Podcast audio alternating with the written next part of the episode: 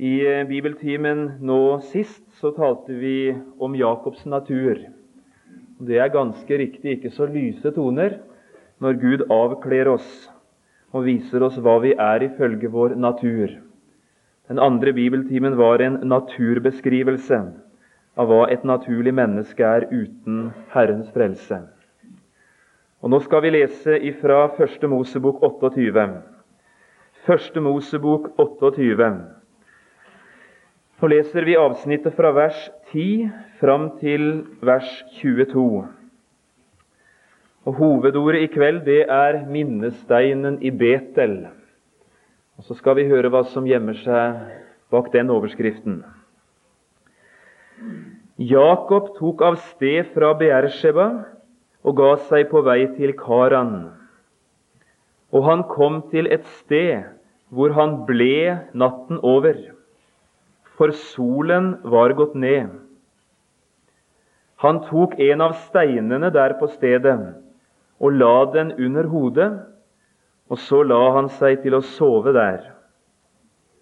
Da hadde han en drøm. Se, en stige var reist på jorden, og toppen nådde til himmelen. Og se, Guds engler steg opp og steg ned på den. Og se, Herren sto over den og sa:" Jeg er Herren, din far Abrahams Gud og Isaks Gud. Det land hvor du nå ligger, vil jeg gi deg og din ett. Din ett skal bli som støvet på jorden.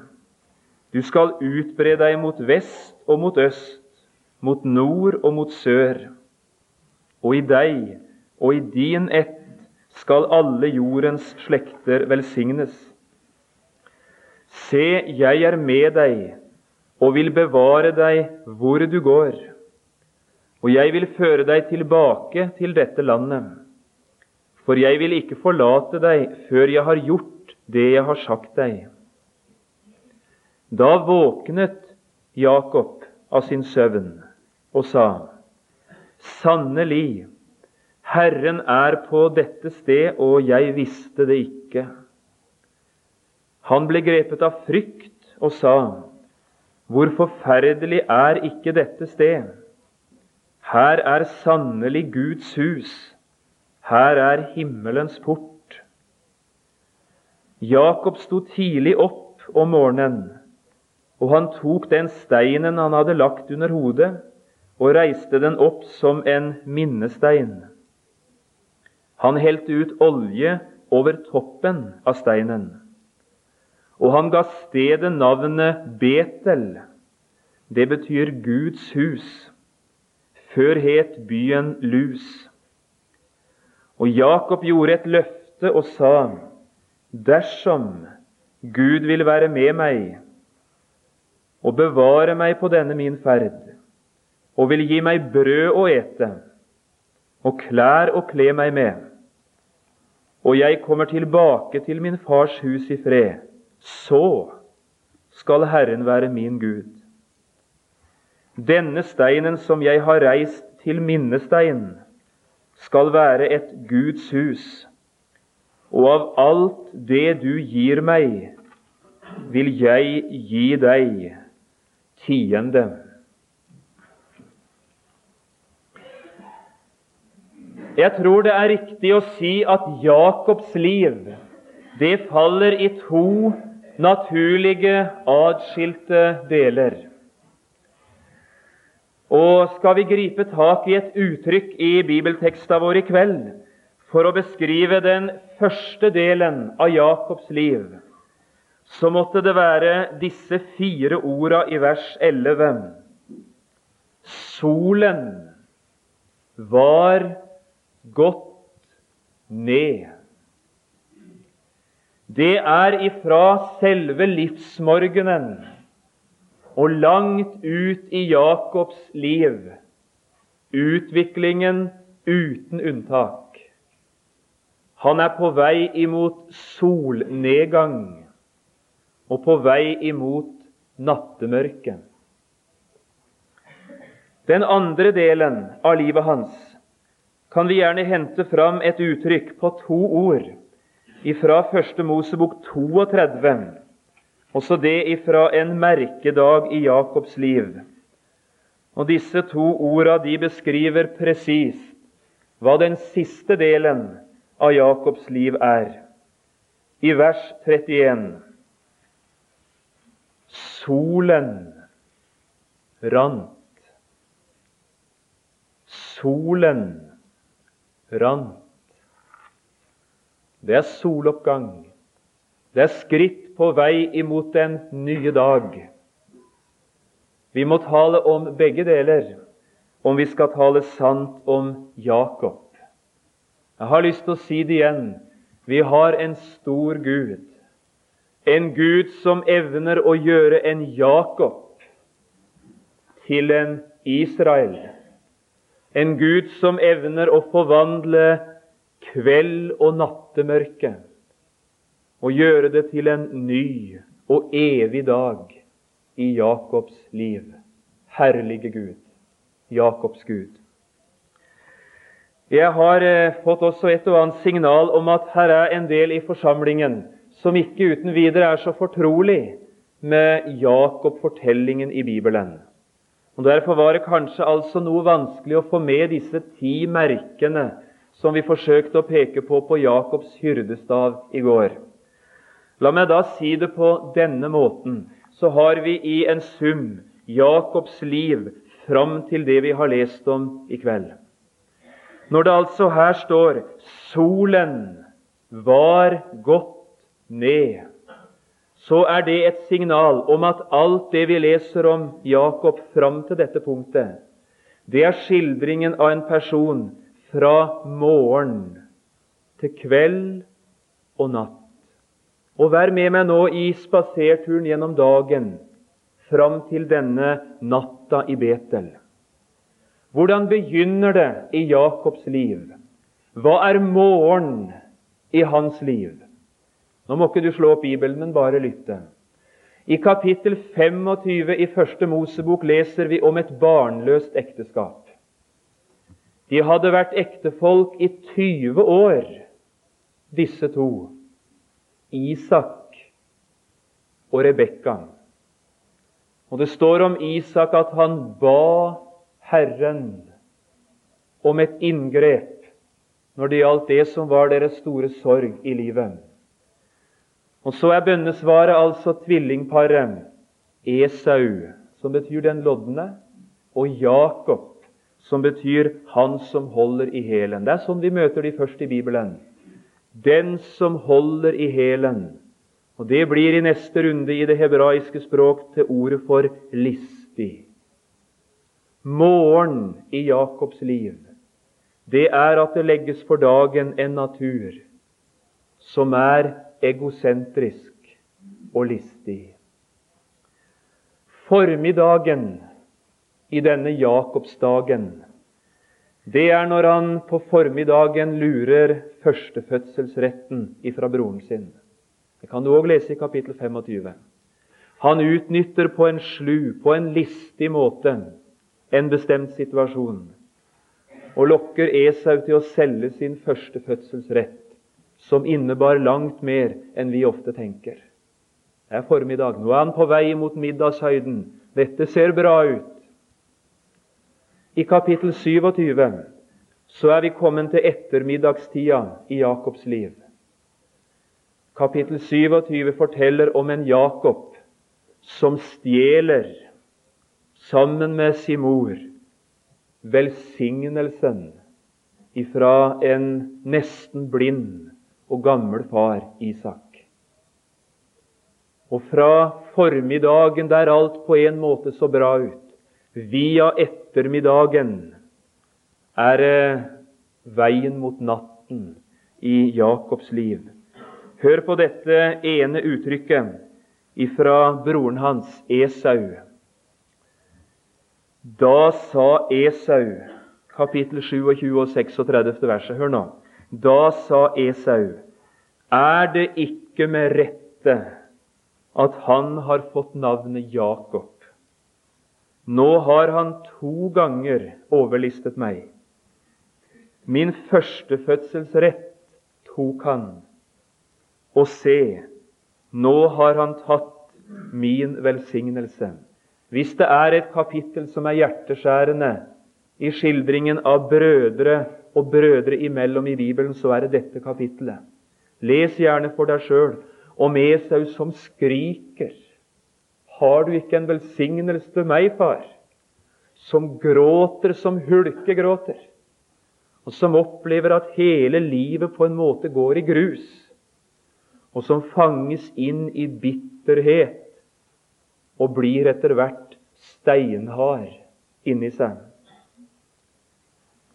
Kvelden i Jakobs liv, det er når mora hans gir han det råd. Nå må du komme deg ut av hjemmet. Det er ikke trygt for deg å være her. Din far skal dø. Og det er bedre for meg at én dør og ikke to. Din bror har i sinne å slå deg i hjel. Så kom deg av gårde. Og med det rådet skapt av en situasjon i synd og elendighet, tar Jakob farvel med sin egen mor, som han aldri senere skulle se igjen i livet. Når vi nå har lest fra kapittel 28, er det altså flyktningen Jakob vi møter. Han som har gjennomlevd morgen, formiddag, ettermiddag, kveld. Og så står det altså her i det ellevte verset i kapittel 28 og han kom til et sted hvor han ble natten over, for solen var gått ned. Det var begynt å bli farlig mørkt for flyktningen Jakob. Og nå har jeg altså lyst til å si Jakobs Gud har aldri slått hånda av en flyktning. Jakobs Gud har aldri vendt ryggen til en som har vikla seg inn i kjedereaksjon av synd. Og den Gud som vi har lest om i kveld, det er flyktningenes Gud. Og jeg har lyst til å si den Gud som var på Jakobs tid, er likedan i dag. Jeg kjenner ikke alle som er her på møtet i kveld. Men jeg innbiller meg at det kan sitte en og annen som erfaringsmessig er på bølgelengde med Jakob. Kan du huske, du som er et ufrelst menneske, om du er her, hvor lyst det så ut når du skulle ut og innta verden? Når du skulle løsrive deg fra bånd der hjemme, når du endelig var blitt voksen og skulle få gjøre med ditt liv som du selv ville, du brukte ord som frihet. Du brukte ord som glede. Du brukte ord som nyte livet. Og du hadde enorme framtidsutsikter. Hvordan et liv etter egenviljen, den selvvalgte vei, skulle fortone seg når du selv fikk kommandoen. Jeg har lyst til å spørre og blei da gleden hen? Og blei da friheten? Og blei da nytelsen der du gikk egenviljens vei? Å, men her er mange. Det begynte i lys og forventningsrik morgenstund. Og så gikk det ei tid, og så var det kveld, og kanskje endog natt i livet. Du har med en Gud å gjøre, du som ikke er frelst, som ser også et urolig nattemenneske og en ordløs lengsel etter Gud. Eller du som er et frelst menneske. Kan du huske hvetebrødsdagene med Jesus? Oss du jubla? Kan du huske hvor herlig det var da du fikk se at du var med på Kristi kors? At syndene som han bar helt inn under Guds vrede og gjorde opp for, det var dine synder. Kan du huske oss du fryda deg over syndernes forlatelse? Et navn som du fikk trygghet for var skrevet i himmelen. Du gikk nesten som på fjærer. Det var altså et totalt nytt liv. Det var morgen i livet. Og er du hen i dag? Og står det nå til? Ja, kanskje er det morgen og formiddag og lys og solskinn og herlighet. Og Gud signe formiddagskristne. Men her er òg noen som ikke opplever morgenstund og formiddagsforventning i livet. Det har eh, blitt mørkere og vanskeligere enkelte ting. Hva enten du har det sånn eller slik, la oss nå forsøke å, å, å åpne øynene for den Gud som går et mørkets menneske i møte og åpenbarer noe for han som skal bli altså en vidunderlig erfaring for Jakob. Jeg har skildra situasjonen og skal ikke rippe opp i det.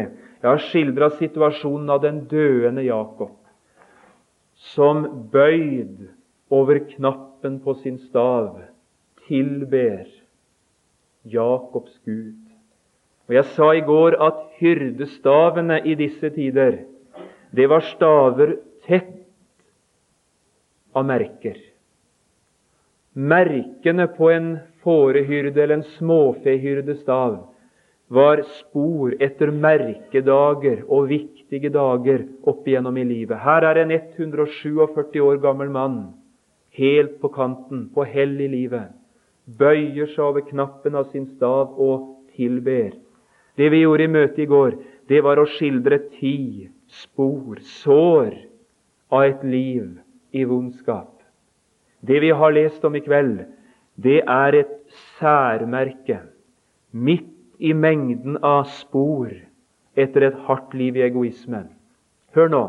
Den Gud som registrerer en Jakob leve ut sin egen vilje, blottlegge sin natur, kommer her flyktningen i møte med en himmelsk opplevelse. Og nå må du få med deg hva dette går på. La oss forsøke å spasere rolig igjennom Betel-situasjonen. Jeg har lyst til å knytte det til en fire-fem enkle ting, og så skal det være lett å følge med. Det ene måtte være dette. Det var i en ganske bestemt situasjon at Herren fikk møte Jakob her ved Lus eller ved Betel. Han er i en situasjon hvor han har stansa opp i livet. Hvor han har kommet til ro med seg sjøl.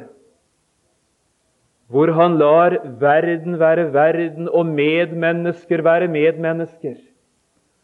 Og i stillhet legger seg ned.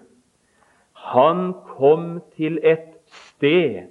Og Det ordet som er brukt i Bibelen for et sted her i vers 11, det er ikke det alminnelige hebraiske ordet for sted. Det er et ord som er forbeholdt hellige eller spesielt utvalgte steder. Og men jeg har lyst til å si når et menneske kommer til det punktet i livet at han stanser opp, at han blir stille med seg sjøl, at han sier 'sjel', nå, nå er det tid for stillhet. Da er det hellige muligheter. Da er det himmelske muligheter i et sånt menneskes liv.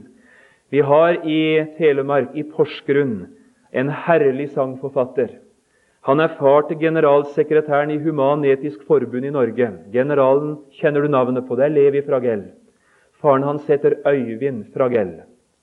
Og han har gitt oss en del nydelige sanger. Blant annet så synger han slik Sjelen, den trenger til hvile. Hva kan vel bringe den ro? Skal jeg kun frykte og tvile? Nei, jeg på Jesus vil tro. Så kan du gjerne kore det eneste håp som jeg eier det har jeg, o Jesus, i deg. Og så kommer de setningene som jeg syns er herligst av de alle i den sangen.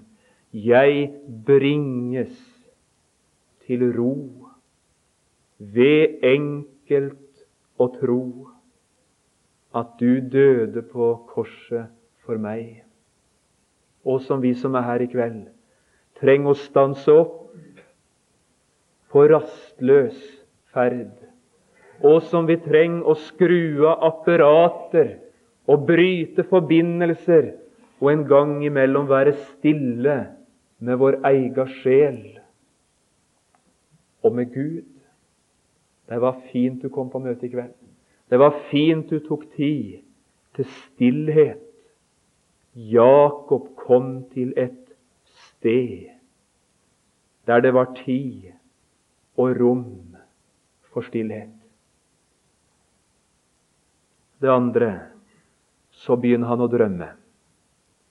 Ser et slags syn. Og Det synet det husker vi fra vi gikk på søndagsskolen, mange av oss i alle fall. Og du som ikke husker det, du skal få det altså enkelt gjengitt. Vi leste det jo her. I drømmen så han med ett en stige, står det. Den gikk fra det punkt der han selv var, og den gikk like opp til himmelen. Stigen var forbindelseslinjen mellom himmelens Gud, som han så stå foran stigen, og seg selv der han lå på det hellige sted i stillhet under en åpen himmel. Han så himmelen åpnet. Han så engler gå opp og engler gå ned. Det er det vi seinere har kalt for Jakobsstigen. Vi skal synge til slutt i møtet i kveld en sang som har en spesiell anledning tilknytta. Når jeg nevner navnet Titanic, så regner jeg med at en del av dere vet at det er et skipsnavn. Navnet på skuta som ikke kunne synke, men som gikk på isfjellet, og som dro flere hundre mennesker i avgrunnen. De forteller om Titanic-passasjerene at det siste de satte ord på i denne verden, det var følgende sang. Og Nå leser jeg et par, tre, fire vers i sammenheng. Og så skal du høre hva de var opptatt med på Titanic. Nærmere deg, min Gud. Nærmere deg. Nearer my God to thee, sang de. Om det et kors enn er, som løfter meg, synes meg veien trang, er det dog all min sang, nærmere deg, min Gud, nærmere deg. Vandrer jeg viden om, solen går ned, mørkt blir det, kun en sten å hvile ved. I nattens drøm til meg finner du, Gud, din vei. Nærmere deg min Gud, nærmere deg. Jeg skal undre meg på hva de registrerte i himmelen de minuttene. Stigen jeg skuer reist mot himmelen opp. Englene ferdes der til høyest topp. Nåde er all din vei. Oppad, oppad, den fører meg. Nærmere deg, min Gud, nærmere deg. Derfor med våken sinn, fylt av din pris, bygger et Betel jeg på Jakobs vis. Alter blir stenen meg, pilegrimen takker deg. Nærmere deg, min Gud, nærmere deg. Og så er det sterkt i slutten. Evige Gud, til deg lengter min sjel. Herre, du alltid er min lodd og del. Tung eller lett min gang, alltid Og så var det bare minutter igjen. Alltid, det blir min sang. Nærmere deg, min Gud, nærmere deg. Du, her er flere enn Jakob, som i nattemørket har hatt bruk for synet av himmelstigen. Enhver drøm, den trenger tydning. Jeg er ikke drømmetyder. Men tydningen, den er gitt oss i Bibelen. Og det som er tydningen av Jakobs drøm, det er i alle fall ikke drøm. Og det er ikke uvirkelighet, og det er ikke syn, og det er ikke fantasi. Det er realiteter. Og vær med meg nå en liten tur inn i Det nye testamentet. Nå skal vi gjøre tre skritt, og får du med de tre skritta, så får du selve evangeliet i prekenen i kveld. Han het Natanael. Du leser om han i Johannes 1. Han ble funnet av Jesus denne dagen. Funnet i religiøsitetens fine mørke. I slutten av Johannes 1 kommer Jesus Natanael i møte, og så sier han, uten å ha kommentert noe på forhånd Se, sier han, det er en ekte israelitt uten svik. Og Natanael han sperrer øyne og ører opp, og så sier han, Hvor kjenner du meg fra? Og Jesus svarer, «Eh, Da du satt under fikentreet, da Philip kalte på deg, da så jeg deg. Og så er Natanael altså aldeles dum. Og så fortsetter Jesus. Tror du, fordi jeg sa at jeg så deg under fikentreet, du skal få se større ting, Natanael, enn dette? Og så har jeg lyst til å spørre hva kan være større enn å oppleve en frelser komme helt inn i hjertets nærområde og tale ord som forteller han kjenner meg til bunns? Hva kan være større for et menneske å oppleve en opplever slik? Det siste verset i Johannes 1,52. Hør nå. Sannelig, sannelig sier jeg dere, dere skal se himmelen åpnet, og Guds engler stige opp og stige ned over menneskesønnen. Og det var det Nathanael etter hvert i sitt liv fikk se. Stigen og menneskesønnen. Du kan bruke en stige til to ting. Har du tenkt på det? Hvilke to ting kan du bruke en stige til? Ja, Det er til å klatre opp, og så er det til å klatre ned. Og Det er veldig bra at det går an å bruke det til begge ting. Ellers hadde vi fått problem.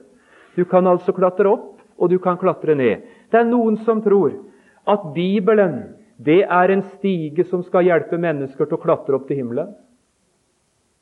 Hvis de ber nok og leser nok og faster og slutter med det og begynner med det og gjør sånn og lar være å gjøre slik, så er det altså 10 534 trinn på den stigen, og så er Guds budskap til oss at vi må gå i gang og klatre. Jeg har lyst til å si det hadde ikke vært altså så enestående om det hadde vært budskapet i Bibelen, for det er sånn de er fulle av alle hellige bøker i denne verden, enten du kaller den Koranen eller hva det, er, hva det er for noe. Det er alltid stiger som er ei som skal hjelpe folk å klatre. Har jeg lyst til å si denne stigen var ikke reist for at en Jakob skulle begynne å klatre opp. Denne stigen, det er den stige som skal si himmelen har aksjonert. Det er en som har klatra ned. Og da må vi til neste skritt, til Johannes 3.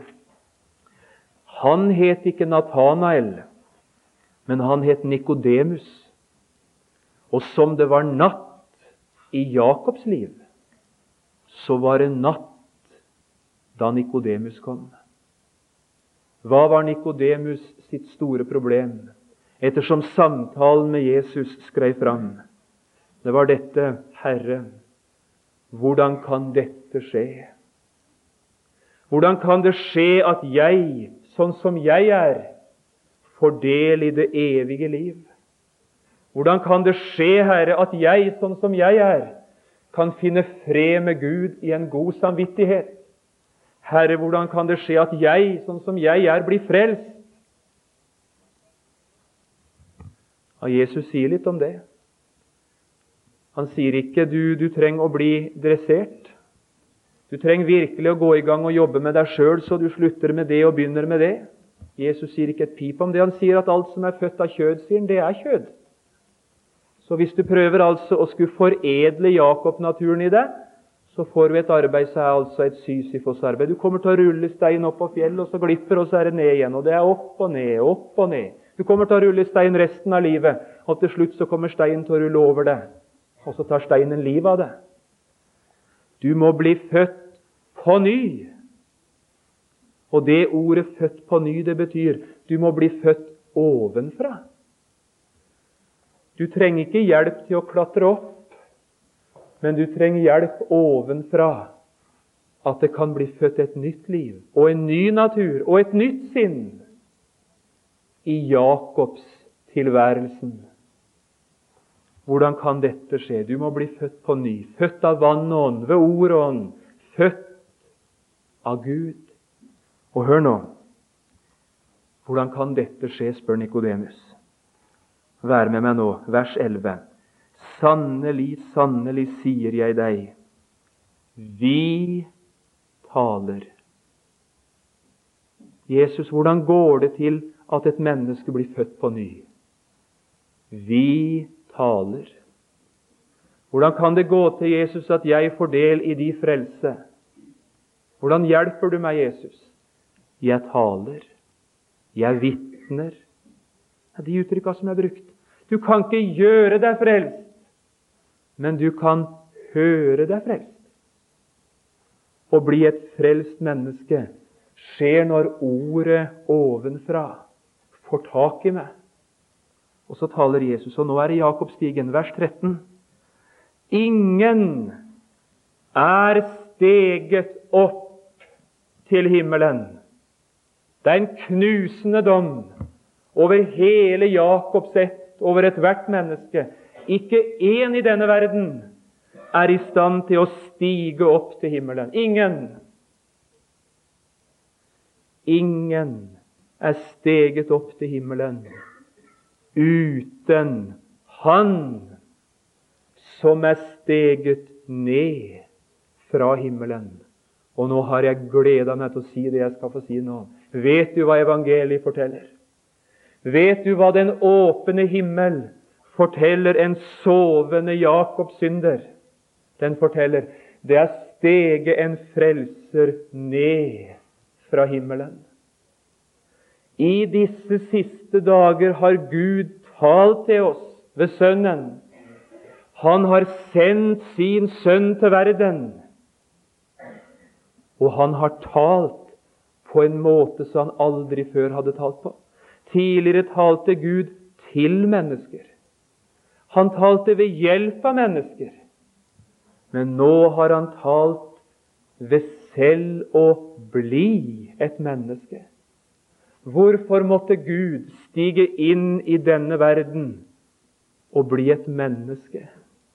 Nu fordi det var ei bør som menneske bar, som Jakob bar, som han John Hardang bar, som himmelen ikke orket å se han skulle bære, og som himmelen ønsket å bære istedenfor han John Hardang. Og så steig han, sank han i vår jammer ned så dypt som ingen vet.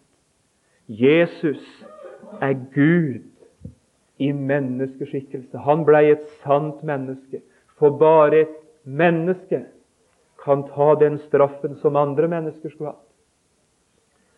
Ingen er steget opp til himmelen. Ingen har levd et menneskeliv slik at vi når opp, slik at vi holder mål, slik at vi seiler inn i Guds herlighet ved vår egen gjerning. Ingen uten Han som er steget ned fra himmelen.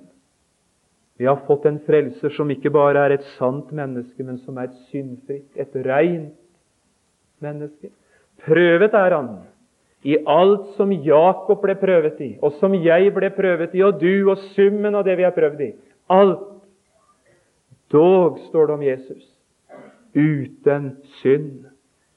Hans drakt var skinnende hvit 34 år etter han hadde begynt sin spasertur gjennom verden.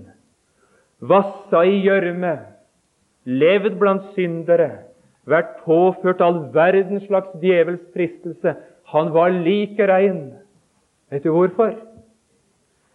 Fordi du og jeg trenger en rein drakt om vi skal inn i herligheten, og vår drakt er møkkskitten og pileråtten, så har Han stelt i stand ei drakt som Han vil gi oss, som ingen himmelklær har i vår egen garderobe. Du har en Jesus som er blitt et virkelig menneske. Du har en Jesus som har levd livet ditt om igjen. Og skal du få slippe å streve med å bli god nok og klare kristenlivet bra nok for å fortjene et barnekår Du skal få være i Jesus-klærne, akkurat som ypperste presten Josva i Sakarias 3, som sto i skitne klær for Herrens engels åsyn, men som av himmelen ble kledt i høytidsklær. Og Det er nesten så jeg ser Jakobstigen altså i en sum. Hør nå. Og likesom, vers 14 i Johannes 3, og like som Moses opphøyet slangen i ørkenen, således skal menneskesønnen opphøyes. Vet du hva det første trinn på min himmelstige heter? Og hvert trinn på himmelstigen heter Vet du hva hele himmelstigen heter? Den heter Vår Herre Jesu Kristi kors.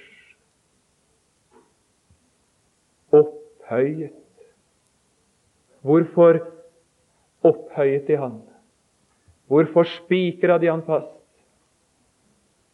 For at hver den som tror på Han, skal ha evig liv. Så ble han et menneske som meg. Så levde han mitt forfeila liv om igjen. Og så sa han, nå vil jeg stige opp på han John Hardangs plass og si til himmelens Gud, la lynet komme, og la tordenen rulle, og la vreden slå, og la det ramme meg alt så den tankeløse, sovende Jakob skal få være fri, der han ligger satt fullstendig ut av drift ved stigens fot, ved korsets lynavleder. Vet du hva vekkelse er? Vekkelse er å slå øynene opp og oppdage seg selv ved foten av korsets himmelstige. Og gjennom et blikk på Jesus se himmelen åpnet. Hvem er det Gud viser dette til? Det er kjeltringen Jakob, som hadde syndet, som var i sine synder, og som enda hadde 20 år foran seg i landet langt borte. Og Da er jeg ved det tredje ord, og så er vi i øyeblikk i målområdet. I Romerbrevet 5 så summerer Paulus det vi har talt om. Og Romerbrevet 5, vers 6-8, er kalt for troens vugge. Og vuggen det er vel det første, altså værested og hvilested, som et nyfødt barn får i denne verden. Hvis det ikke altså er ved mors bryst. Vuggen er iallfall det første hvileområdet. Et av de første. Og hør nå Jakob, som enda er altså i, i, i en forferdelig situasjon som menneske. Romerne 5-6. For mens vi ennå var Mens vi ennå var skrøpelige. Hva da? Døde Kristus til fastsatt tid for ugudelige. Og vers 8. Gud viser sin kjærlighet til oss ved at Kristus døde for oss mens vi ennå var syndere. Hvis Herren ikke skulle ha fullført en frelse mens vi ennå var, så hadde han aldri fått fullført den.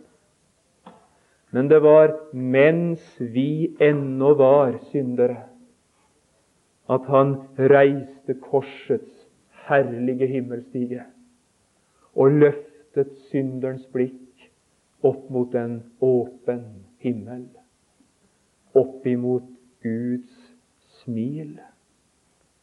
Et nydelig ord som står her i Romerne 5,8. Gud viser. Vet du hvordan det ordet én iallfall gang i Bibelen oversettes? Det oversettes med 'anbefaler'. Gud anbefaler sin kjærlighet til oss. Og nå hadde jeg lyst til å, å, å si Gud anbefaler sin kjærlighet. Kjære Jakob. Gud anbefaler sin kjærlighet. Den kjærlighet som forteller at Kristus døde for oss mens vi ennå var syndere. Og som Jakob har bruk for ikke en drøm, ikke et syn, men en virkelig frelse og en virkelig åpnet himmel. Og Så kunne vi jo ha prekt i tre kvarter til, men det skal ikke vi gjøre. Nå skal vi runde av. Og vi skal si omtrent følgende Da våknet Jakob av sin søvn og sa Herren er på dette sted, og jeg visste det ikke. Å, men det er mange mennesker som ikke vet hvor Herren er.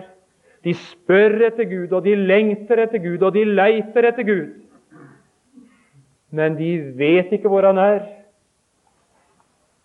Jeg visste det ikke. Og hva er det du ikke visste, Jakob? Jeg visste ikke hvor Gud var. Jeg visste ikke hvor Gud var å finne. Ja, hvor fant du Han? Herren er på dette sted. Ved stigen, ved korset, under en åpnet himmel, Herren er på dette sted.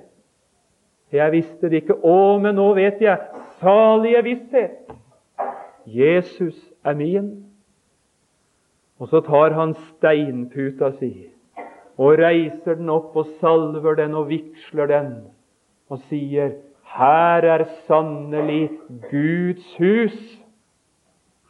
Her bor Gud. Men ikke bare Gud. Her bor hele Guds folk. Her bor barna hans. Her bor sønnen.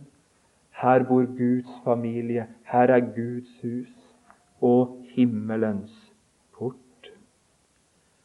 En port til himmelen åpen står, der Jesu kors nu tindrer. Derfra en stråleglans utgår, som sorg og smerte lindrer.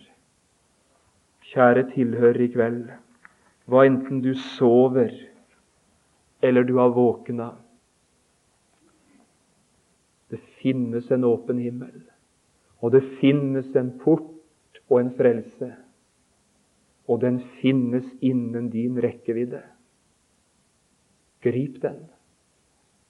Og kjære troende venn, kjære Jakob, det er over deg den åpne himmel og Guds smil er å finne.